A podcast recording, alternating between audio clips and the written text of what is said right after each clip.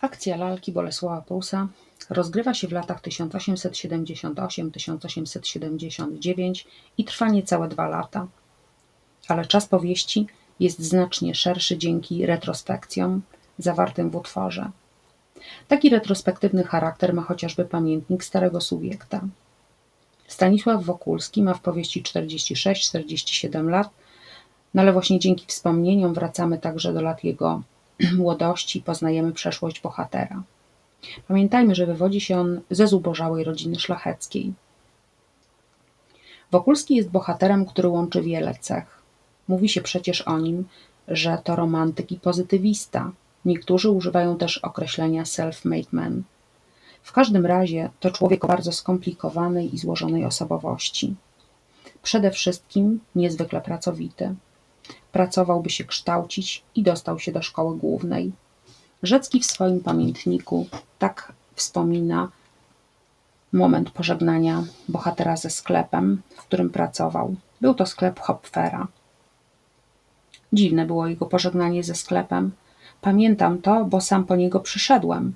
Hopfera ucałował, a następnie zeszedł do piwnicy uściskać Machalskiego, gdzie zatrzymał się kilka minut. Siedząc na krześle w jadalnym pokoju, słyszałem jakiś hałas, śmiechy chłopców i gości, ale nie podejrzewałem figla. Naraz otwór prowadzący do lochu był w tej samej izbie. Widzę, że z piwnicy wydobywa się para czerwonych rąk. Ręce te opierają się o podłogę i tuż za nimi ukazuje się głowa Stacha raz i drugi. Goście i chłopcy w śmiech. Aha, zawołał jeden stołownik. Widzisz, jak trudno bez schodów wyjść z piwnicy? A tobie zachciewa się od razu skoczyć ze sklepu do uniwersytetu. Wyjdźże, kiedyś taki mądry. Stach z głębi znowu wysunął ręce, znowu chwycił się za krawędź otworu i wydźwignął się do połowy ciała. Myślałem, że mu krew tryśnie z policzków.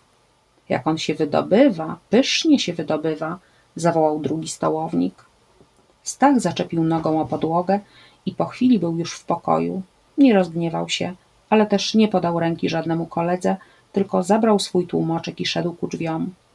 Cóż to, nie żegnasz się z gośćmi, panie doktor? wołali za nim stołownicy Hopfera. Szliśmy przez ulicę, nie mówiąc do siebie. Stach przygryzał wargi, a mnie już wówczas przyszło na myśl, że to wydobywanie się z piwnicy jest symbolem jego życia, które upłynęło na wydzieraniu się ze sklepu Hopfera w szerszy świat. Proroczy wypadek, bo i do dziś dnia Stach ciągle wydobywa się na wierzch i Bóg wie, co by dla kraju mógł zrobić taki jak on człowiek, gdyby na każdym kroku nie usuwano mu schodów, a on nie musiał tracić czasu i sił na samo wydzieranie się do nowych stanowisk. Przeniósłszy się do mnie, pracował po całych dniach i nocach, aż mnie nieraz złość brała. Wstawał przed szóstą i czytał, około dziesiątej biegł na wykłady, potem znowu czytał, po czwartej szedł na korepetycje do kilku domów, głównie żydowskich, gdzie mu Szuman wyrobił stosunki i wróciwszy do domu znowu czytał i czytał, dopóki zmożony snem nie położył się już dobrze po północy.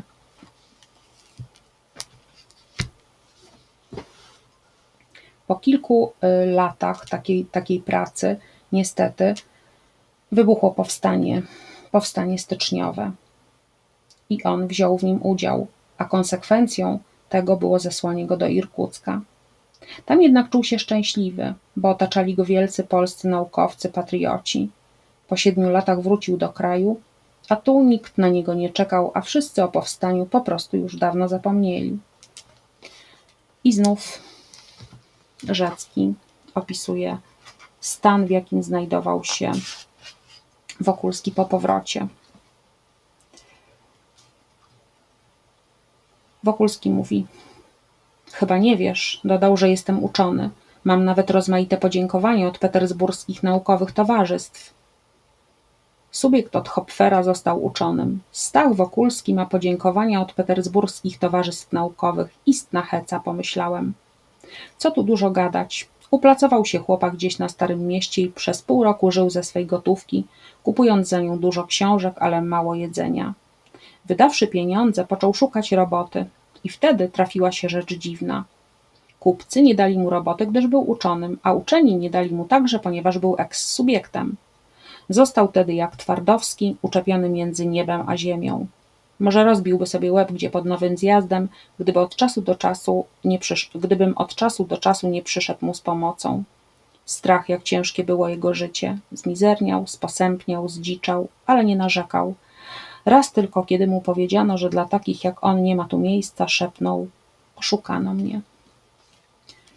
I wtedy, wtedy umarł Jaśmincel, a Wokulski ożenił się z jego żoną Małgorzatą, wdową po, Jasie, po Jasiu y, Minclu.